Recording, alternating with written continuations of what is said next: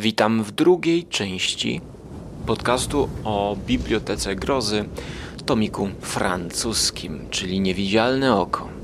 Kontynuujemy dzisiaj nasze spotkanie z toruńskim wydawnictwem, analizując kolejne teksty, kolejne dwa opowiadania, tytułowe i zwierzęce. Pająk. Bardzo ciekawy miks. Rozgadałem się mocno o tych dwóch tekstach.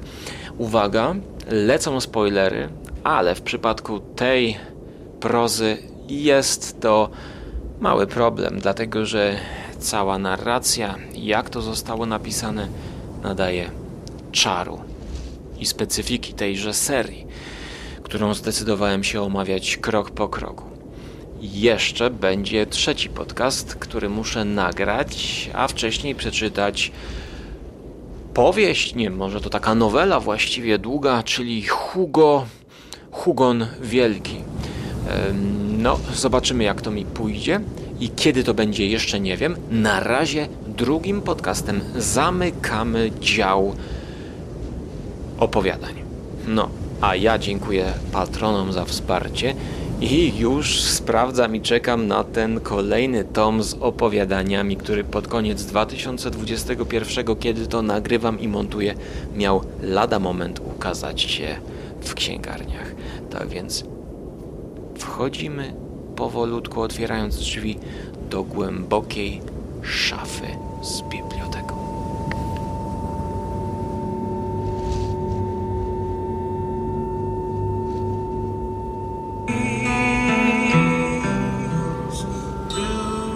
Witam w kolejnej wstawce.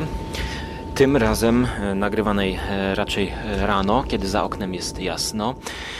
I omawiamy teraz przedostatnie opowiadanie krótkie, e, które zostało napisane w 1859 roku. Sprawdziłem to przed chwilą i szczęka mi opadła, że takie opowiadanie z 1859 59 roku. To jest niesamowite. Dlatego, że w pewnym momencie, w drugiej połowie, zaskoczyłem, że zrzynka filmowa tego opowiadania była dokonana w 2008 roku w filmie francuskiego reżysera, e, czy Pascala Lagiera, Leger pewnie.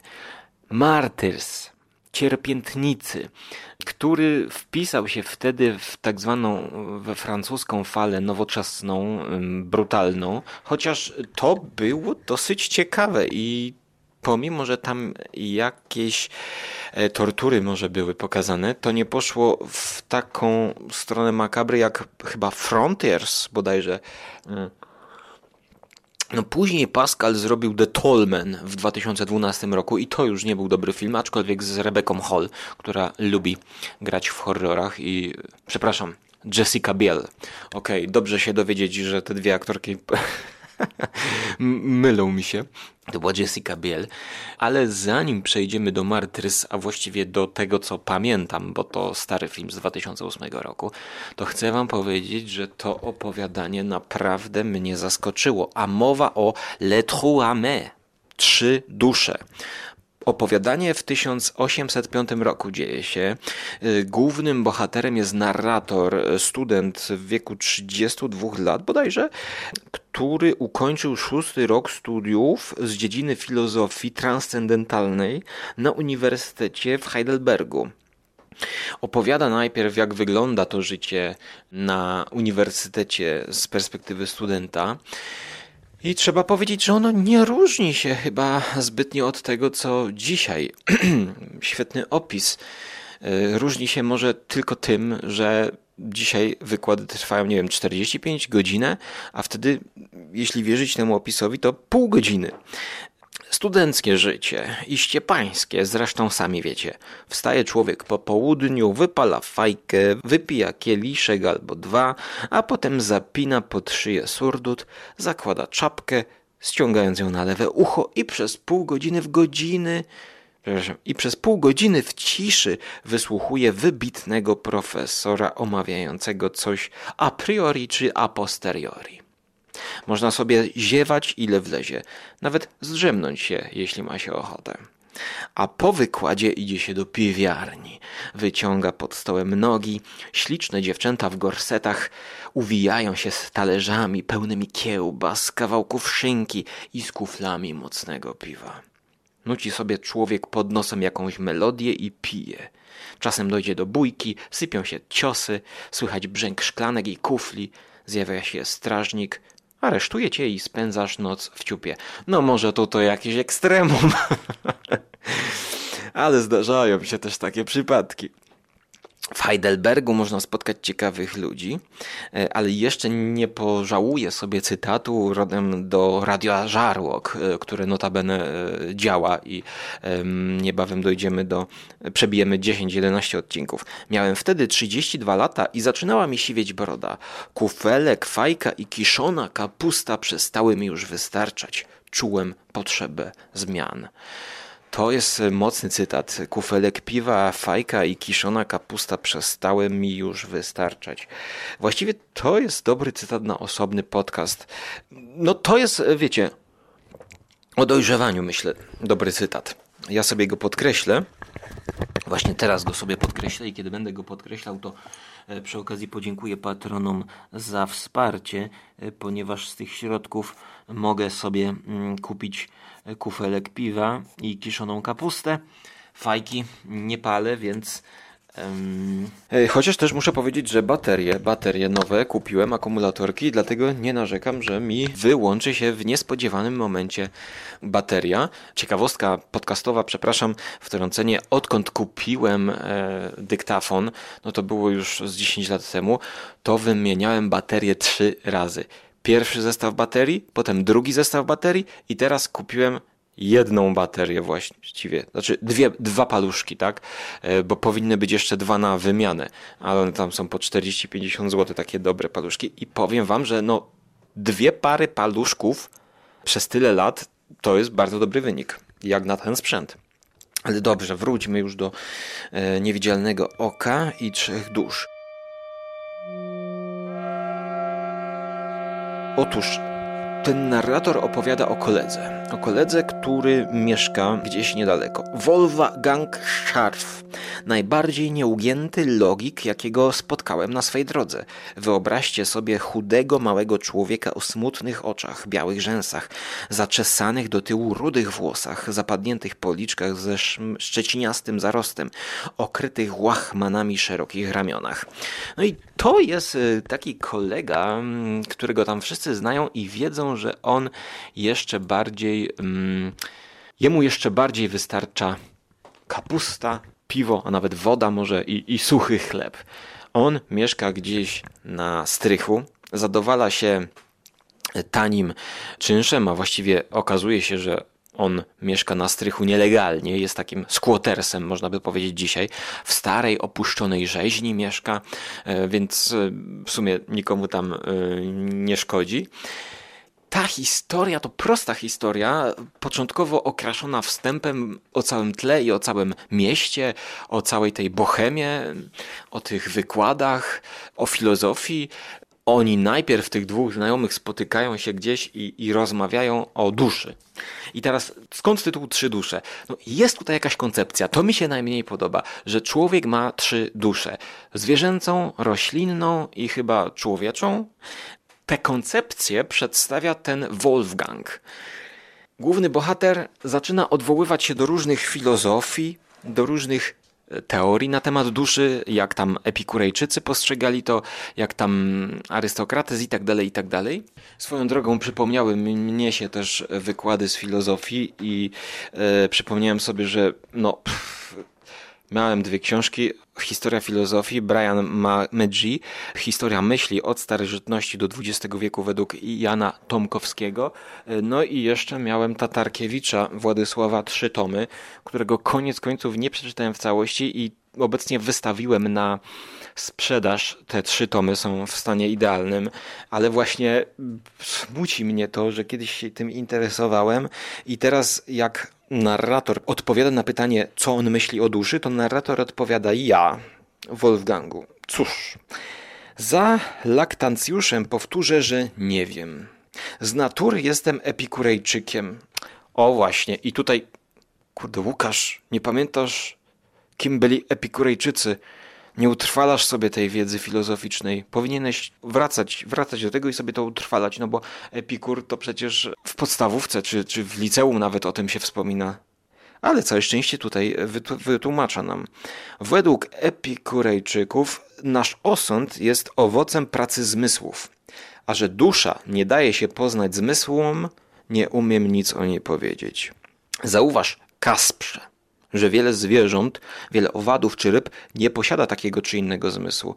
Kto wie, czy i my mamy je wszystkie, te zmysły, czy my mamy wszystkie zmysły. Te rozważania wracają również dzisiaj, tak? Jeżeli chodzi na przykład o postrzeganie tam, nie wiem, czwartego wymiaru czy szóstego wymiaru. E, ja, ja nie siedzę za bardzo mm, w tych dociekaniach fizycznych, ale coś takiego mnie nie dochodziło. A przypominam o tym, dlatego że jest to 859 rok. I w tym dialogu dowiadujemy się, że narratorem jest Kasper. Kończy się ta pogadanka, taki wstęp właściwie. I potem, i tu się rozpędza opowieść.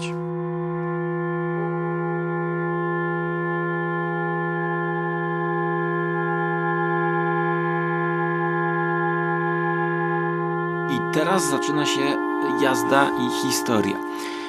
Wszystko zaczęło się tak naprawdę nagłym zniknięciem starej ciastkarki Katryny Vogel. Zwykle koło jedenastej kobiecina zjawiała się w piwojarni z tacą pełną smakołyków, zawieszoną na różowej wstążce na cienkiej jak ubociana szyi. I ona opowiadała różne historie, zabawiała mm, chłopaków i sprzedawała owe ciastka. Po trzech dniach dopiero ludzie zauważyli, że ona zaginęła. E, no i to jest taka niewiadoma. Ale do bohatera naszego Kaspara, narratora, przychodzi Wolfgang i chce mu coś pokazać. Zaczyna się sekwencja, która mnie kojarzy się z ostatnim filmem Jamesa Wana. Pewnie dlatego, że oglądałem go dwa dni temu i, i ta sekwencja we filmie wcielony, kiedy policjant goni czarną kreaturę, która ucieka w coraz to ciemniejsze zaułki, e, gdzie w scenografii są jakieś stare e, dyliżanse, jakaś karoca, to tutaj podobna sytuacja jest taka, że Wolfgang chce pokazać Kasparowi coś i on ciągnie go przez zaułki zamieszkane przez grabarzy, a właściwie garbarzy. Ciągnie go. Jest opisana ta droga przez coraz dziwniejsze e, miejsca i dochodzimy do rzeźni, tam gdzie mieszka nasz tajemniczy koleżka. Wolfgang, nie odzywając się ani słowem, pchnął w moją stronę skrzynię, która służyła mu za krzesło po czym chwycił dzban wody i pił długo, a ja usiadłem i patrzyłem skonsternowany. Jesteśmy na poddaszu starej rzeźni. Rada Miejska przeznaczyła fundusze na budowę nowej. Mieszkam tutaj sobie od pięciu lat, nie płacąc ani grosza i nikt przez ten czas nie zakłócił moich studiów. Ale przejdźmy do rzeczy. Kasparze, czy jesteś pewien, że posiadamy duszę? E, to, to, to miejsce kojarzy mi się ze strychem, na którym mieszkał e, w mieszkaniu głównej bohaterki właśnie ten stwór. E, I ta dziwna sytuacja mm, zadziwia głównego bohatera. Zadziwia go dlatego, że dziwi się, że nie protestował przed tą mozolną, długą drogą aż do rzeźni, w której mieszka Wolfgang. I tu następuje ciekawy dy, dy, dy, mm, dialog, który chciałbym zacytować, żarłokowy. Mów prosto z mostu, czego chcesz, albo daj mi pójść do gospody, mówi do Wolfganga Kasper. Czyżby w życiu liczyło się dla ciebie tylko jedzenie? spytał ochrypłym głosem.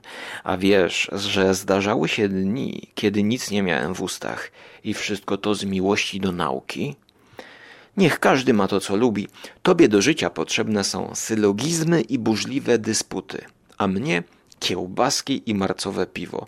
No co, to silniejsze ode mnie. No i właśnie, tutaj wracamy teraz do tego wykładu y, o trzech duszach, które Wolfgang odkrył, czy może ma taką teorię, i zaczyna opowiadać, jak on obserwował u zwierząt, że dla dobra nauki coś tam chciał, y, jakąś porwał krowę czy coś tam i obserwował. I tutaj mogłoby być właściwie wszystko, jak każda jakaś głupia teoria,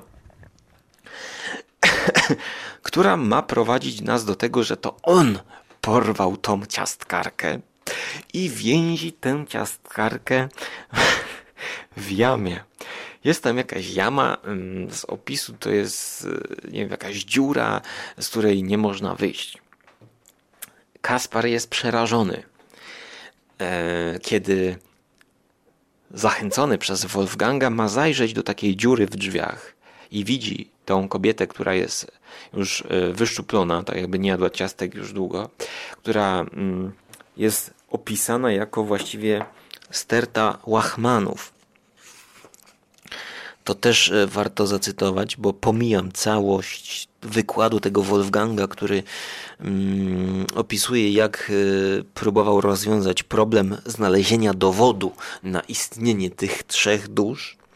Odwołuje się do sprawdzenia testu mm, in anima vili, E, z łacińskiego to jest w odniesieniu do doświadczeń naukowych, czyli na zwierzęciu, dosłownie na nic niewartej istocie, in anima vili. E, tak jak powiedzmy testujemy kosmetyki tam na szczurach czy na czymś tam, e, w imię wyższego dobra, no to on w imię wyższego dobra mm, testował mm, za wszelką cenę musiał kogoś znaleźć do celów badawczych. I znalazły się tak, Obiecałem, że usłyszysz trzy dusze. Teraz to może być trudne, ale wczoraj trzeba było posłuchać, jak krzyczą, zawodzą, jęczą, zgrzytają zębami. On ma taką teorię, że mm, ta każda dusza w jakiś sposób przejawia się na zewnątrz, tak? I można wręcz usłyszeć te instynkty określonej duszy, bo dusza roślinna odpowiada na przykład za oddychanie, tak? Że oddychamy. E, dusza zwierzęca za coś tam. No i Wtedy widzimy tą ciastkarkę, że ona wyje, próbuje uciec i krzyczy jak kot. A Wolfgang mówi, patrz uważnie, nie widzisz sterty łachów w kącie. To stara Katrina Wogel, ciastkarka. Nie zdążył dokończyć, bo w jamie rozległ się przenikliwy dziki wrzask, podobny do pisku kota, któremu ktoś nadepnął na łapę. Może tak właśnie krzyczała główna bohaterka Madison wcielenia. Waaah! Tak, tak, tak właśnie krzyczała i to, to było śmieszne. Przestraszona istota podskakiwała, jakby się chciała wspiąć po ścianie, a ja półżywy, z zimnym potem na czole odskoczyłem, krzycząc: To okropne! No i tutaj e, zapadamy się w coraz większą paranoję Wolfganga, e, który mówi, że przecież to był wrzask kota, ona wrzeszcie jak kot. To jest dowód na istnienie zwierzęcej duszy. szaleniec, szaleniec. E, nie patrzył na mnie, napawał się widokiem w dole. Ohydna satysfakcja widoczna była w jego spojrzeniu, w postawie, w uśmiechu. I tu zaś przechodzimy do opisu tortur, gdyż to więzienie i głodzenie jest skazaniem mm, tej ciastkarki na swoiste tortury, na cierpienie, które czeka również głównego bohatera, jak się domyślacie, no bo po co by go tam za, e, zaprowadzał. I teraz możemy przerwać, mm, bo coraz bardziej wchodzimy spoilery i kończymy powoli już to opowiadanie, ale właśnie Martyrs podobny motyw i nie wierzę, żeby francuski reżyser nie znał swoich rodzimych opowiadań. Zamyka tam w piwnicy yy, kobiety po to, aby pokutowały w jakiś sposób przez cierpienie i ból, znalazły drogę do Boga. Y, nawróciły się, jeśli dobrze pamiętam, albo właśnie znalazły jakiś głębszy sens w cierpieniu y, i zrozumiały, że to jest mm, jakby dar od tego porywacza. Bardzo podobny wątek, mm, aż pomimo tego, że nie jestem fanem Martyrs, to obejrzałbym sobie i odświeżył, żeby zobaczyć, jak to ma się do tego opowiadania. No ale teraz nędznik zostaje porwany, znaczy wrzucony. Wrzucony, bo kobieta głoduje od czterech dni i zwabił ją pod pretekstem sprzedania baryłki kirszu. Wrzuciłem ją na dół i zamknąłem. I rzeczywiście mamy tu opis y, tego cierpienia. Właśnie. Martys. Um, opis tego, jak on obserwuje, jak ginie zbuntowane ciało, jak triumfuje nieśmiertelna dusza, Ledwo dotknąłem dna jamy. Obolały, jakby mi połamano wszystkie kości. Gdy ciężkie drzwi na górze zamknęły się, odcinając mnie od szarego światła strychu. No właśnie, i to już jest drugi e, bohater, tak, narrator wrzucony do, do tej jamy. I zaczyna się rozdział drugi. Dopiero mamy drugi rozdział. 1, 2, 3, 4, 5, 6. 5,5 jakoś tak, 6 stron gdy mamy opis tego, co się dzieje w jamie z perspektywy przysłowiowej dzisiejszej współczesnej Hitchcockowskiej piwnicy, jesteśmy yy, no, w umyśle cierpiącego. I teraz będziemy kilka dni siedzieć z narratorem i przeżywać katusze ze względu na głód, ze względu na e, pragnienie i cierpienie. I trochę do czego mógłbym się przyczepić, to że 10 dni bez jedzenia, no to właściwie jest współcześnie głodówka, e, no spokojnie da się przeżyć, no o ile ma się dostęp do wody. Więc trochę może przesadził tutaj e, z naukowego punktu widzenia, że mm, był na przykład nie czułem już ani strachu, ani wściekłości. Byłem głodny krwiożerczo głodny, a wiedziałem, że będzie jeszcze gorzej. No a przecież to dopiero na zajutrz około ósmej wieczorem wrócił ten facet chory, kiedy Katrina i ja krzyczeliśmy tak rozpaczliwie, że od naszych głosów zdawały się trząść ściany. Przecież można wytrzymać jeden dzień bez jedzenia. Jedyne co tłumaczy tę postać to to, że to jest człowiek, który lubił popić kiełbaski, kaszanka, kapustka, więc może on bardziej odczuwał głód niż przeciętny zjadacz chleba. Ale widzimy jeszcze bliżej cierpienie tej Katriny ciastkarki. Widzimy, że ona już właściwie umiera i że jego też czeka taki los. Zastanawia się narrator, czy może nie powinien po tym jak ona już mdleje i umiera na jego oczach wręcz kona to czy nie powinien on wypić jej krwi, bo jego też czeka taki los, a przecież to jest już tylko krew. Jeżeli tego nie zrobi teraz, to zmarnuje się ta krew, a to może uratować mu życie. Dużo jest takich tutaj rozważań o głodzie. Głód również popycha tę kobietę w stronę mężczyzny Kaspara. Jej dłonie wczepiły się w moje ubranie, a koci wrzask rozległ się niemal w tej samej chwili sprawił, że zamarłem. Myślałem, że będę musiał stoczyć walkę, ale nieszczęśnica nie miała już sił. Tkwiła w dziurze od pięciu dni. Wróciły do mnie słowa Wolfganga. Kiedy dusza zwierzęca zgaśnie, człowiekiem zawładnie dusza roślinna. Włosy i paznokcie rosną nawet pod ziemią po śmierci. Szwy czaszki wypełnia pienista substancja. Wyobraziłem sobie moją mimowolną towarzyszkę w takim stanie, z porośniętą pleśnią głową, a obok niej siebie i nasze wirujące razem wilgotne, roślinne dusze. No świetne to jest, to jest świetne opowiadanie, słuchajcie. Ten obraz tak opanował moją świadomość, że przestałem czuć głód. Leżałem z szeroko otwartymi oczami pod ścianą i patrzyłem nic nie widząc, a to dopiero początek katuszy narratora. Wpatrywaliśmy się jeden w drugiego. Ja struchlały ze strachu, on chłodny, opanowany, uważny, jak gdyby patrzył na przedmiot.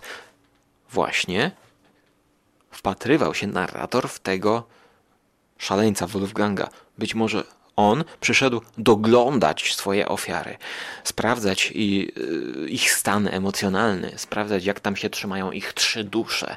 No dokładnie te same właśnie pamiętam sceny w, w Martyrs. sceny, motywy. E, no i, i on znowu wychodzi, nie daje tego jedzenia. E, mamy opisy znowu opisy tej kobiety, która tam umiera, to co zobaczyłem, trudno opisać ludzkim językiem. Wychudła twarz o zapadniętych policzkach, kończyny zasuszone, ostre kości zdawały się niemal przebijać okrywające je łachmany, a do tego tułów przypominający bezkształtny pusty worek. Coś okropnego, no body horror mamy z 1859. Trupia główka otoczona sterczącymi jak kępy suchej trawy włosami, a po środku błyszczące gorączkowo oczy i dwa długie, żółte zęby. Oczywiście nie mamy tutaj żadnej mutacji, no ale mamy tutaj e, bezpośredni opis masakrujący. Co straszniejsze, dostrzegłem parę pełzających już po tym żywym szkielecie ślimaków. Zobaczywszy to wszystko, zamyślałem się, za pięć dni będę wyglądał tak samo. I krzyczał, znowu krzyczał Wolfgang. Przerażenie go nie opuszczało. Tutaj streszczam wam i najlepsze teksty wam za, zapodaję. Muszę przyznać, że mimo iż odczuwałem głęboką skruchę, to z tęsknoty za piwiarnią i wesołymi towarzyszami przyjemnego życia, które płynęło mi przy wtórze pieśni i butelce dobrego wina, z mojej piersi dobywały się głębokie westchnienia. W uszach rozbrzmiewało mi skwierczenie smażonej na patelni kiełbasy, bulgotanie nalewanych trunków, stukanie kufli, a mój żołądek jęczał jak żywa istota. Zdawało się, że ode mnie uniezale uniezależnił się i stworzył osobny byt. Ten żołądek, no. Więc był on żarłokiem niewątpliwie. I te przeżycia, które narrator właśnie doznaje, no to, to, to też przywodzą mi na myśl te wewnętrzne jakieś wizje wręcz e, ekstatyczne doznania rodem z Joanny Dark, z filmu Cierpienie Joanny Dark Teodora Dreyera, które w Martyrs były obecne. Mówię o filmie niemym. On wyobraża sobie tego łotra, który ma chleb i wodę i pije. Jest woda. Woda znowu nie może dostać tej wody. E, streszczamy mm, tutaj krew i nagle, nagle zemdlał narrator. Jak długo był nieprzytomny, nie wie, ale z omdlenia wybudziło go żałosne wycie psa. Tak żałosne, to jest świetna scena, też muszę ją wam przeczytać tak żałosne i tak przejmujące, że poruszało bardziej niż skarga człowieka. I nie sposób go było słuchać, samemu nie odczuwając cierpienia. Rozumiecie? Rozumiecie? Czyli mamy tutaj obraz psa, który jak wyje i cierpi, obraz zwierzęcia, to że dla niektórych może być to o wiele bardziej ruszające serce niż cierpienie człowieka, ale Dalej wstałem z twarzą zalaną łzami, nie wiedząc skąd dochodzi ten dźwięk psa, tak współbrzmiący z moim własnym bólem. Wsłuchałem się i wyobraźcie sobie moje zdumienie, gdy odkryłem, że dobywa się on z mojego własnego gardła. Mamy tutaj człowieka właśnie przyrównanego do psa, który cierpi tak jak pies, to koreluje z tą zwierzęcą trzecią duszą, jaka ma w nas mieszkać. Być może to jest jakiś instynkt, jakaś dzikość, tak, że pod wpływem pewnych warunków możemy zamienić się w bestię. Tak jak na przykład w filmie Piła, kiedy odetniemy sobie rękę czy nogę, żeby przeżyć. Od tamtej chwili niczego już nie pamiętam. Pewne jest, że spędziłem jeszcze dwa dni pilnowany przez szaleńca, który tak się rozochocił, widząc triumf swoich idei, że zaprosił kilku filozofów, by móc rozkoszować się ich podziwem. Mm, reżyser Martyrs gdzieś widziałem wypowiedź, że inspirował się hostelem, tylko nie chciał zrobić filmu o torturach, mhm, o bólu, tylko o cierpieniu. Instead of making a movie about suffering, he wanted to make a movie about pain, właśnie o bólu. No ale cierpienie, a ból to są dwie bliskie rzeczy. Mm. Ale tutaj mamy motyw trochę taki hostelowy, tak, że ten filozof, filozof zaprasza kumpli i popatrzcie, co ja tutaj mam w piwniczce. Sześć tygodni później obudziłem się w moim małym pokoju, otoczony dawnymi kompanami. Rozumiecie, tutaj jest takie nagłe cięcie, które najsłabsze jest też w tym opowiadaniu. Człowiek mdleje, Tłumaczymy to tak, że ten Wolfgang już osiągnął swój cel i tego półżywego człowieka odnosi na swoje miejsce. I tutaj następuje nawet pewien akcent humorystyczny. Obudziłem się otoczonym w moim małym pokoju dawnymi kompanami, którzy gratulowali mi, że jakimś cudem wyszedłem z tej lekcji transcendentalnej filozofii cało. No, e, tak. Mm. Jak przeczytałem to zdanie, to no, no, naprawdę śmiechłem. Przeżyłem jeszcze jedną trudną chwilę, kiedy Ludwik przyniósł mi lustro, a widząc swoją twarz wymizerowaną jak u łazarza, który właśnie wstał z martwych, nie zdołałem powstrzymać łez. Biedna Katrina Vogel umarła kolejny motyw tak przywołujący nam narratora do Łazarza. E, Martyrs, cierpiętnik, który się w jakiś sposób nawraca być może, choć ten wątek bardziej był rozwinięty w filmie. Co do mnie, większość życia cierpiałem na przewlekłe zapalenie żołądka. Ale dzięki dobrej kondycji ogólnej, a przede wszystkim dzięki doktorowi, odzyskałem zdrowie. No śmieje się, ponieważ ten doktor, piszą, pisze autor, dokonał istnego cudu, ratując mój uszkodzony przez głodówkę organ. Zastanawiam się, czy to jest dla jaj pisane e, już po tych przeżyciach, czy, czy, czy dziesięciodniowa głodówka w tamtych czasach to było coś e, strasznego? E, czy, czy to są rzeczywiście jaja? No tego już nie wiem. Może y, w oryginale trzeba by się wbić, no ale to było po francusku pisane. Wolfganga w końcu dotarła sprawiedliwość, on dostał na szubienicę, ale tu się już urywa opowiadanie i kończy i właściwie nie interesuje nas dalszy mm, los Wolfganga. W tym opowiadaniu sednem jest to, co opisałem. Przeciwstawienie się życia studenckiego, życia pełnego kapusty i piwa, i tego ascety, który ma te szalone pomysły i chce je zrealizować. Dla mnie opowiadanie rewelka, nawet nie biorąc pod uwagę takiej klasycznej opowieści z dreszczykiem, bo nie ma tutaj jakiegoś większego zaskoczenia, tylko opis, opis, koncepcja, która dzisiaj wraca do nas w postaci całego torture porn, e, właśnie tej francuskiej fali i nawet też. No, no, jest to bardzo ciekawy tekst, no, bardzo świeży, jak na 1859 rok, napisany, a może przetłumaczony rewelacyjnie. Ja chyba dałbym 9 na 10. Nie ma się tutaj do czego przyczepić. E, krótki tekst, 18 stron. Polecam, rewelacja. Tutaj, pomimo że streściłem całość, to liczy się tekst. Jak to jest wszystko opisane sprawnie, krótko. Świetne, świetne opowiadanie. Zaskoczyło mnie. I przed nami został jeszcze pająk. Ostatnie krótkie, które będzie omówione w tym cyklu, bo w wydaniu CIT mamy Hugona Wilka, no dłuższą nowelkę 100 stron. Muszę powiedzieć, że długo się zbierałem do Erkmana Hatriana.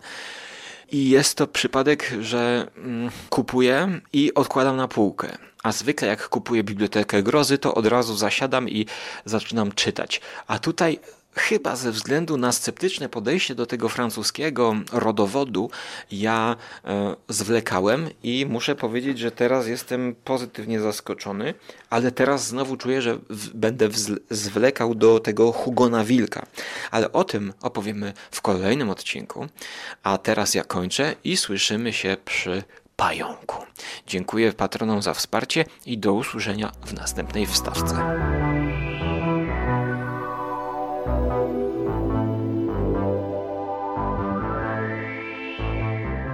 Jeszcze dopowiedź, że Pascal Lager e, przyznał, że napisał scenariusz w stanie klinicznej depresji, e, borykając się z samobójczymi myślami, co właśnie powoduje, że film ma nihilistyczną i depresyjną e, tematykę.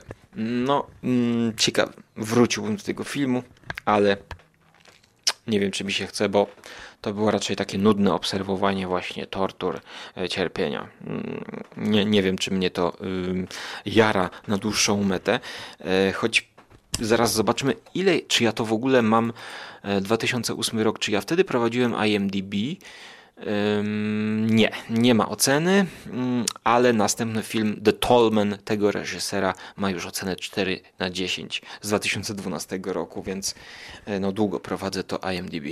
Trzymajcie się.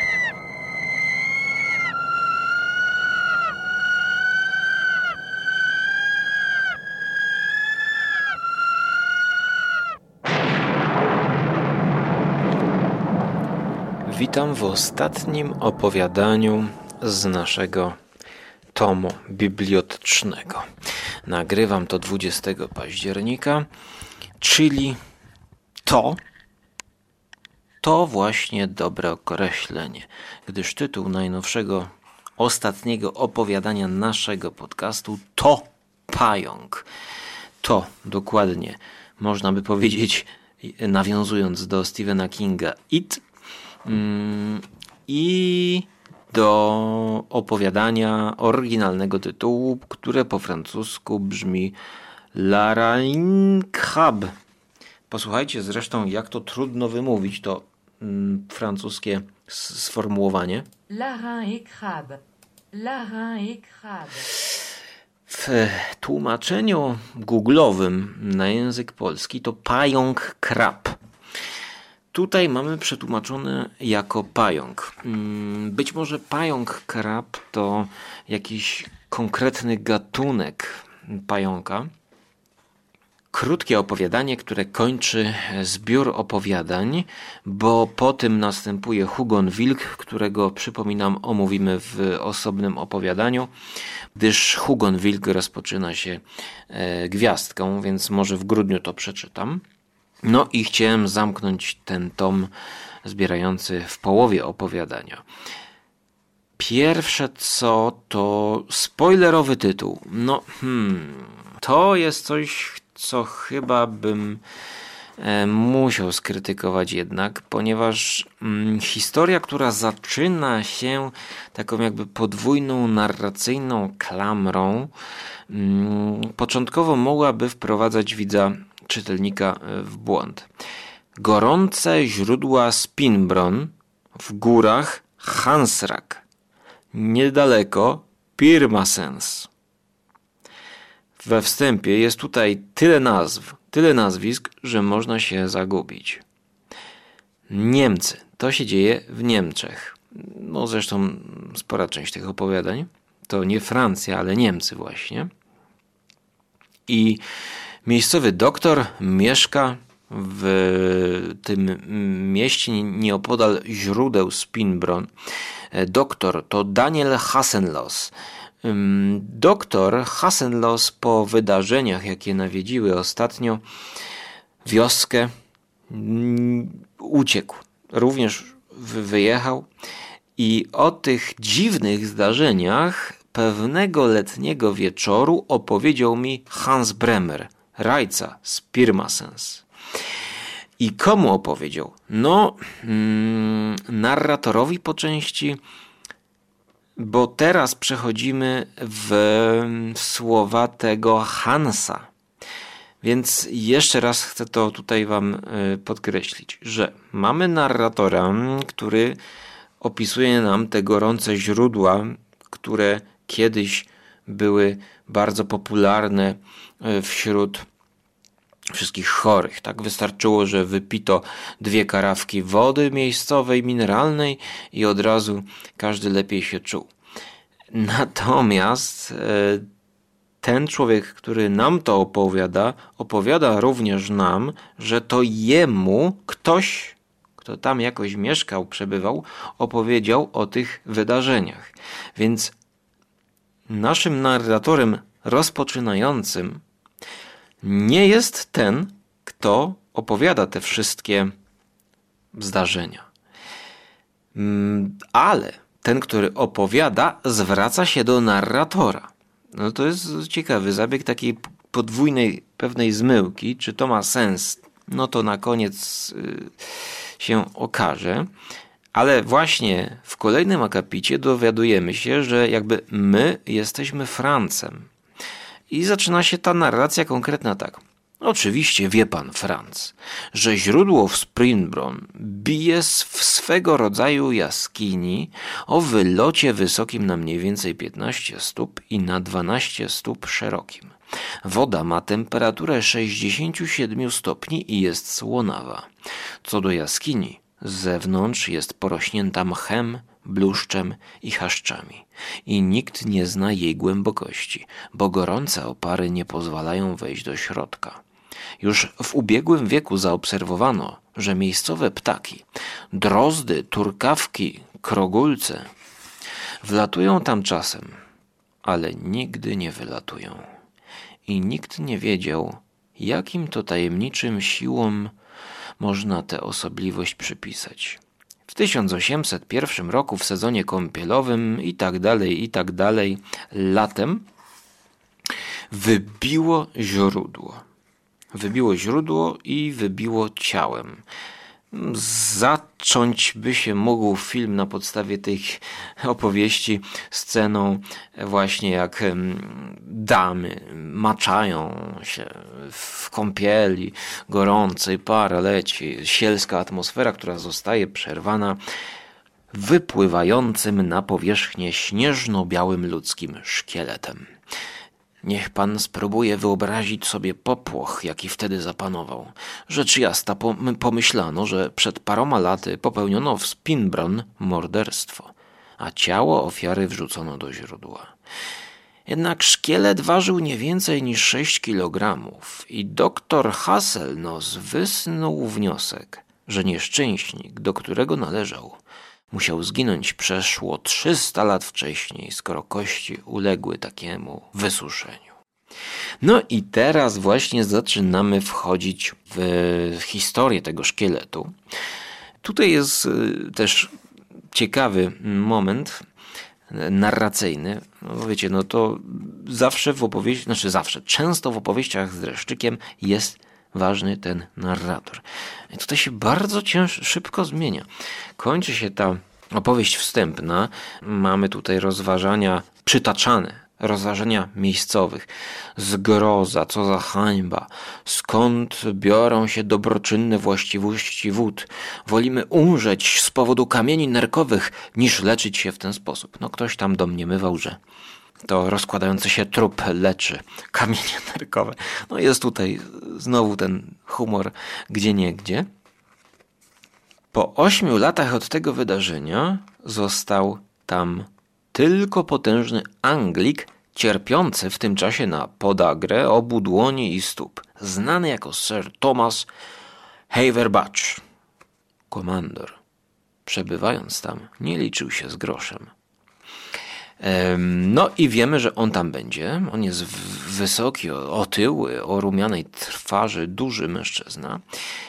Ale moment, moment, bo kiedy dochodzimy do informacji, że on zamierza spędzić całą zimę w tym przybytku rozkoszy, byłej rozkoszy, Spinbron, mamy przerwę i wracam do tej narracji. W tym momencie rajca Bremer założył sporą porcję tabaki, jak gdyby chciał w ten sposób ożywić wspomnienia. Otrzepał koniuszkami palców delikatną koronkę swojego żabotu i podjął opowieść. No i znowu wchodzimy w narrację tego opowiadającego rajcy. Pięć, może sześć lat przed rewolucją 1789 roku pewien młody lekarz z Pirmasens, niejaki Christian Weber, wyruszył na Santo Domingo w nadziei na zarobienie fortuny. Praktykując swoją profesję, zdołał zgromadzić jakieś 100 tysięcy funtów, nim gdy, gdy wybuchła murzyńska rebelia. Nie muszę panu przypominać, z jak barbarzyńskim traktowaniem spotkali się nasi nieszczęśni rodacy na Haiti.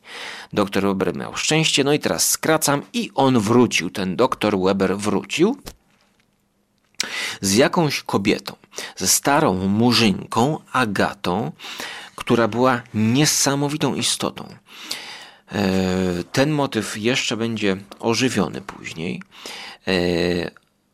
Ona była pięknie ubrana, miała kolczyki o jakiejś charakterystycznej, rzadko spotykanej urodzie. Nie wiadomo, czy on ją uratował, czy, czy, czy wziął jako czy wziął ją jako niewolnicę? Chyba nie, chyba nie. Pomij, po, po, pomińmy czarnoskórą Agatę. Doktor Weber zaprzyjaźnił się z Sir Thomasem, czyli tym, który tam był. Ten doktor Weber zafascynował się florą i fauną, jaka była na San Domingo. Przywiózł ze sobą kolekcję różnych owadów, motyli. Był takim miejscowym, może nie dziwakiem, ale takim biologiem chyba z wykształcenia, jeśli pamiętam podejmowane są tematy właśnie tych dziwnych zjawisk, że ptaki często wlatują do jaskini, ale nie wylatują. Ta wioska troszkę zaczyna podupadać. I właśnie my już tutaj początkowo zaczynamy podejrzewać, że skoro tytuł to pająk, to będzie coś na rzeczy. I właściwie tak zacząłem się zastanawiać, skąd Tolkien wymyślił szelobę. Skąd to się wzięło? Skąd ten taki obraz pająków, którzy, które mieszkają w wielkiej pieczarze i czyhają. No, u Tolkiena we Władcy Pierścieni szeloba była. Ostatnio powtórzyło się to z zimowymi pająkami w serialu Disneya Mandalorian gdzie gdzieś tam w, w, w górach jakichś lodowych y, takie pajączki się pojawiają i duży, wielki pająk. No ale wracając, okazuje się, że ten doktor Weber przybija szpilką jakiegoś tam pająka i, i, i mamy tutaj opis arachnofobii, gdyż cytuję, komandor mówi, że ten Pająk budzi we mnie jedynie odrazę. Nie wiem dlaczego, ale widok pająka zawsze mrozi mi krew w żyłach. I to komandor mówi. Nie lubisz Hansie pająków tak samo jak ja. Ale dzięki Bogu w tym kraju nie ma żadnych niebezpiecznych gatunków. Ukośnik, którego twój opiekun ma w swojej skrzynce, pochodzi z Gujany francuskiej. Zamieszkuje wielkie podmokłe lasy, stale wypełnione gorącymi oparami, bo potrzebuje do życia bardzo wysokiej temperatury. Jego pajęczyna, a raczej olbrzymia sieć, oplata całe zarośla. Łapie w nią ptaki, tak jak nasze pająki łapią muchy. Ale zapomnij już o tych okropnościach i weź łyk mojego starego Burgunda. No i właśnie, mm, ten narrator drugi, który opowiada tą historię, e, opowiada jak wziął tego Sir Thomasa, a właściwie to Sir Thomas wziął tego narratora i codziennie jeździł z nim do lasu na takie przejażdżki. I ten właśnie Sir Thomas, który po napiciu się Burgunda chciał, okazało się, że chciał popływać. E, no i jako, że oni byli razem, to roz, rozdzielili się. Posłuchajcie kolejnego bardzo ciekawego cytatu, który powinien Wam przysunąć na myśl ostatnie dokonania i chwyty samego Stephena Kinga. Doskonale, Hansie. Doktor Weber twierdzi, że pije za dużo Borgonda. Koniecznie trzeba zneutralizować szkodliwość wina za pomocą wody mineralnej, a ta sadzawka bardzo mi się podoba. Następnie wysiadłszy z powozu, Przywiązał konia do pnia niewielkiej brzozy i machnął ręką, jakby chciał powiedzieć: Możesz odejść. Zobaczyłem, jak siada na mchu i ściąga buty.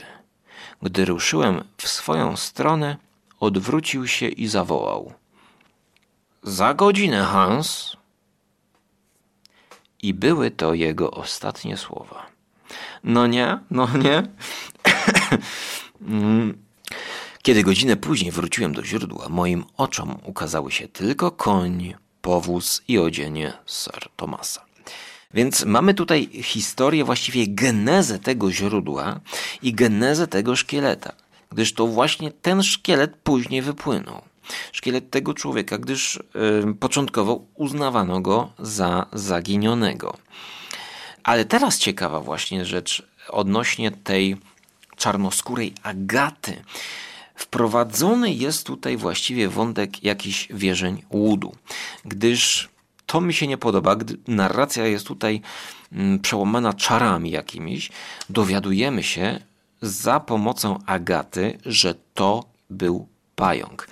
Ona wprowadza się w jakiś taki sens, tak jakby widziała w środku oczyma albo tego poszkodowanego, albo potrafiła się przenosić i mieć, widzieć, dostrzegać wizję. Nie, nie jest to wyjaśnione, jak to działa to ta Agata zaczyna y, opowiadać. Christian Weber podszedł do murzynki i szybkim ruchem przesunął po jej czole. Tak jakby ten Christian Weber sprowadził ją być może w tym celu, żeby kiedyś się przydała. Nie jest to wyjaśnione. Ale ona nie była niewolnicą. Jego niewolnicą. Być może on ją uratował. Nie wiemy tego zupełnie. Jesteś tam? spytał. Tak, panie. Sir Thomas Heuerbach. Widzisz go? Tak, odrzekła głosem. Widzę, gdzie jest? Na górze, na dnie jaskini, martwy. Jak umarł? Pająk, potworny pająk. Och, opowiedz nam dokładnie. Pająk trzyma go za szyję, jest na dnie jaskini, owinięty pajęczyną. To straszne, straszne. Widzisz go tak? Czy jest duży? Nigdy nie widziałam równie wielkiego.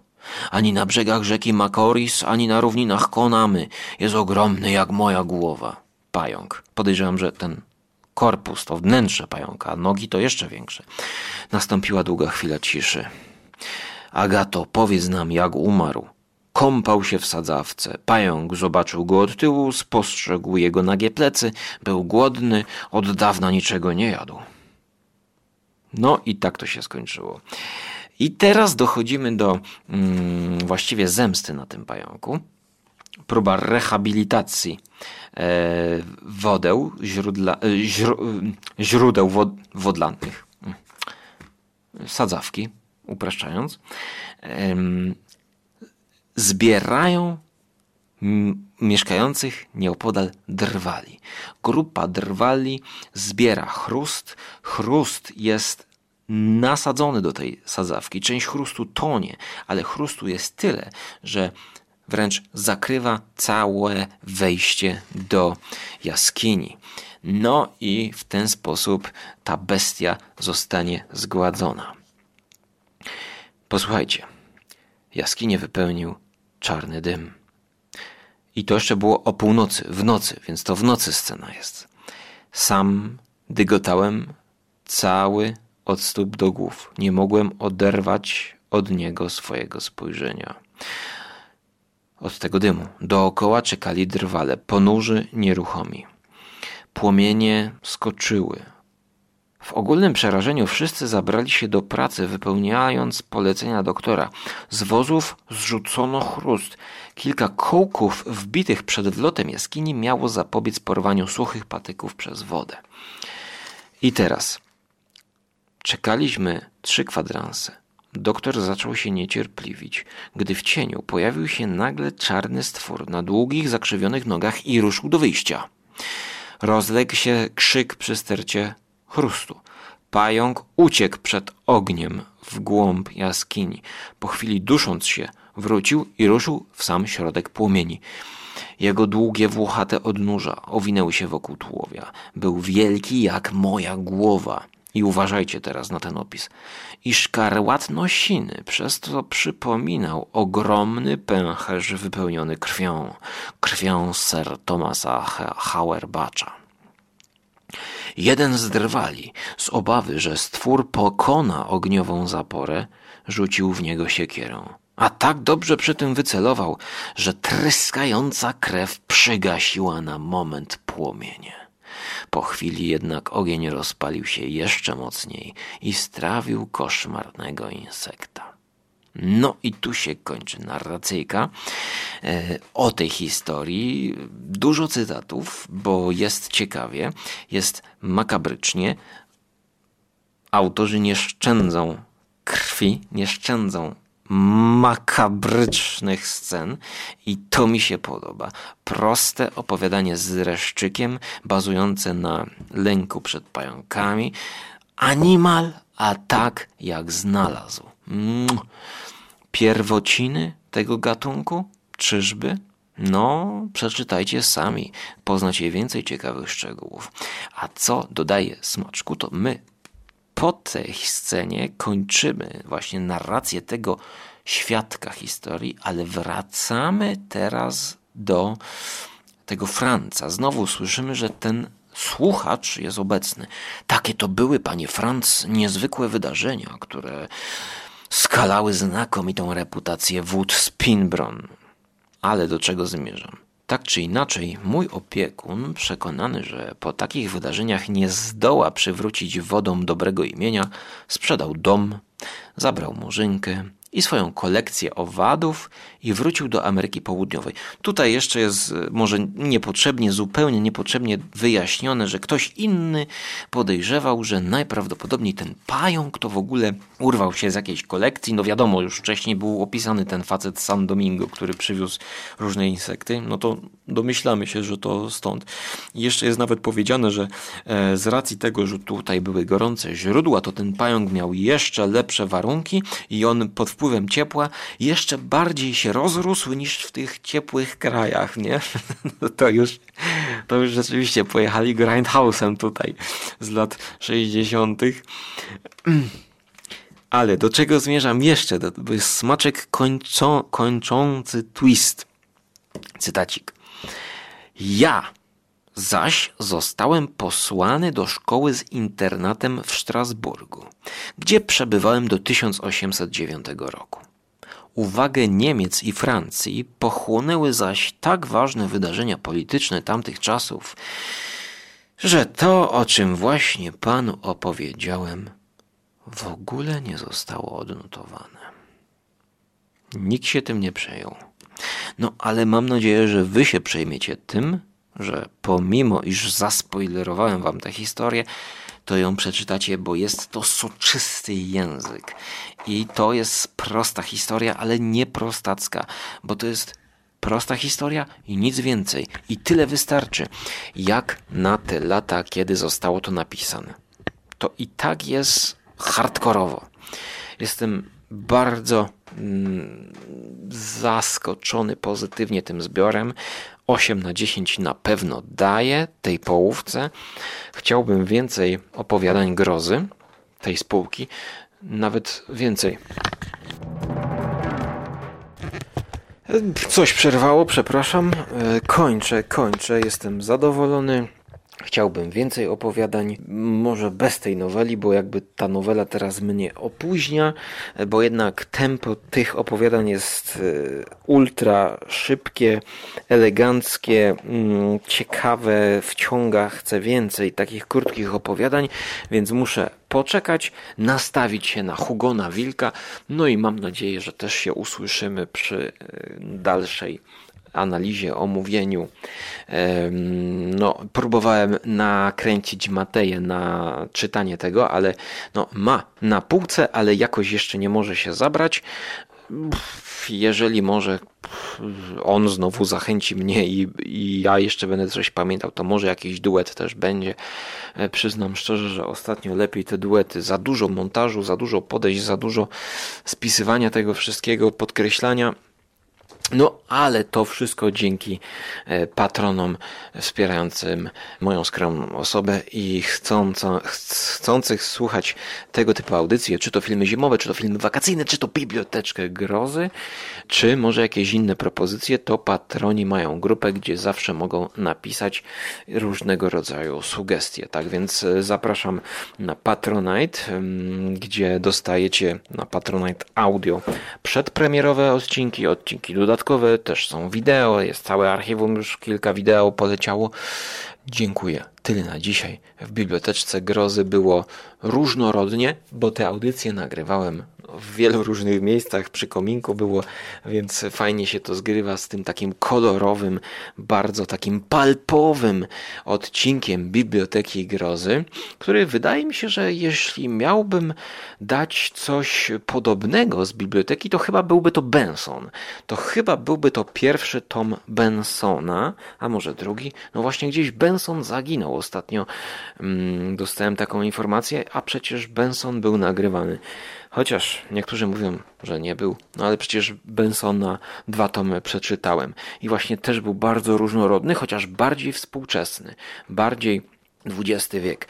Więc jeżeli chcielibyście kontynuować sobie te klimaty bardziej palpowej grozy, to zapraszam do Bensona po przeczytaniu naszego francuskiego duetu. No, jestem zaskoczony, a już zbliżają się otwarte drzwi.